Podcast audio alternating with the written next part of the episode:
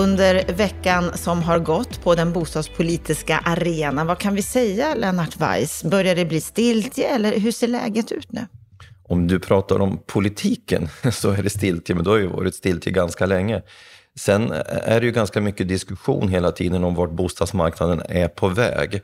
Och det vi ju ser är att media har väldigt stort fokus på vart, vart priserna, hur priserna utvecklar sig. Då kom det en ny analys i veckan, jag tror det var Mäklarstatistik, som visade att priserna har gått ner något i Stockholm, 2 procent.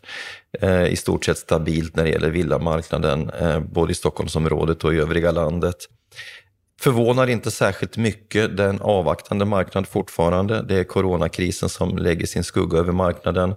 Frågan är vad man kan tro om hösten. Det man ju ser det är att eh, utbudet har ju varit eh, eh, relativt litet under en period. Det vill säga det, det, det, är många som skulle vilja flytta som inte gör det. Man avvaktar helt enkelt. Så den här avvaktande hållningen Eh, den kastar en skugga över marknaden både när det gäller antalet transaktioner och priser. Det finns en liten risk, tänker jag, att eh, det låga utbudet nu kan få till följd att det blir ett väldigt starkt ökande utbud efter sommaren. Alltså människor som behöver flytta av något skäl och har skjutit upp det kommer ut på marknaden. Och är då den här avvaktande hållningen kvar så kan ju ett väldigt stort utbud göra att det blir en press på priserna. Men givet att vi är på väg ut ur coronakrisen, eller i varje fall att, att den är på väg att förändras. det ser inte ut som att de här värsta skräckscenarierna vad gäller arbetslösheten kommer att slå igenom. Sveriges politik har ändå gjort att den inhemska marknaden har klarat sig ganska bra.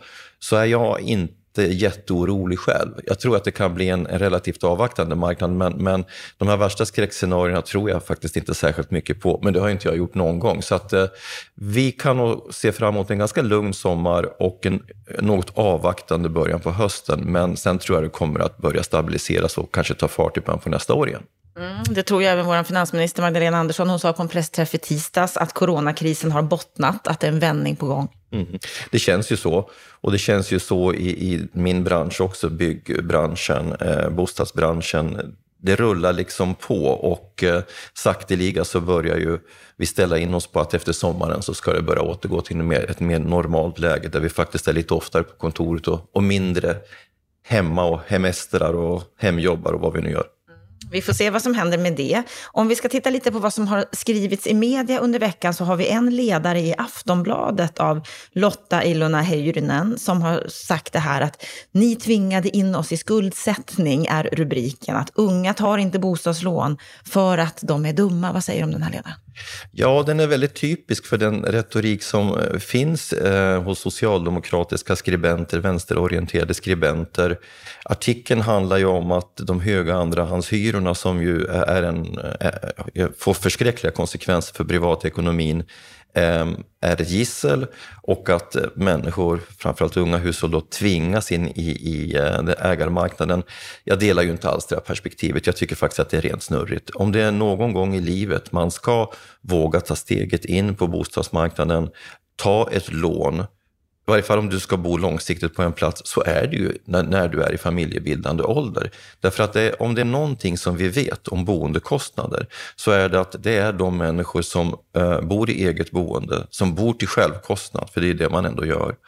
Det är de människorna som långsiktigt kommer att ha låga och stabila boendekostnader och som också bygger upp en tillgång, en förmögenhet. Och det är helt enkelt en effekt av att inflationen, även om den är väldigt låg, den urholkar ju värdet på ditt lån. Eh, dina inkomster kommer att kompenseras för inflationen och, och, och eh, den här dubbla effekten av inflation och ökade löneinkomster och underliggande värdestegring gör ju att över tid så kommer du att få väldigt låga boendekostnader. Ja, fast samtidigt måste vi titta på hennes perspektiv. Det hon skriver här i ledaren, det är citat. Nu är vi skuldsatta för livet och även om vi älskar förortshemmet vi slitit för hade vi aldrig tagit miljonskulder om vi haft andra alternativ. Ja, men det alternativet som vi då hade, det var ju när vi hade relativt låga eh, boendekostnader genom väldigt omfattande sub subventioner.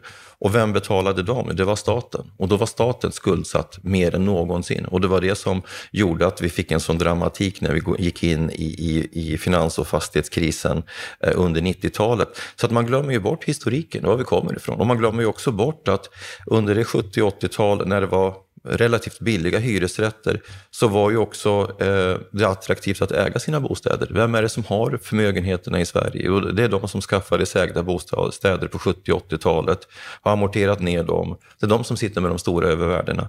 Så att det här resonemanget om att man är skuldsatt bortser ifrån att balansräkningen också har en tillgångssida.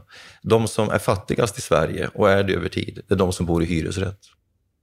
Så att resonemanget är helt fel och, och dessutom så bortser hon ifrån preferensfaktorn. Precis alla undersökningar du kan hitta visar att 80-85 procent, även bland unga hushåll, helst av allt vill äga sin bostad. Det är en del av livsdrömmen.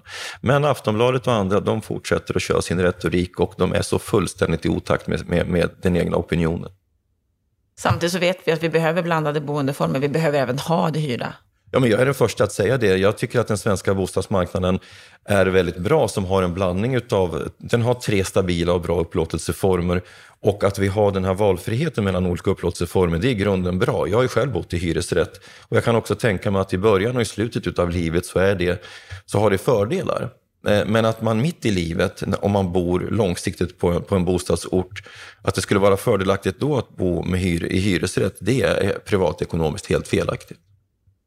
Vi går vidare till en annan artikel som säger att i bruksvärdessystemet så råder det stor brist på rättssäkerhet. Det är Haimanot Bahiru som, som är på juridiska institutionen på Stockholms universitet som säger att det är förvånande att privata fastighetsägare ännu inte dragit bruksvärdessystemet inför Europadomstolen. Ja, därför att i så fall så skulle de med största säkerhet förlora.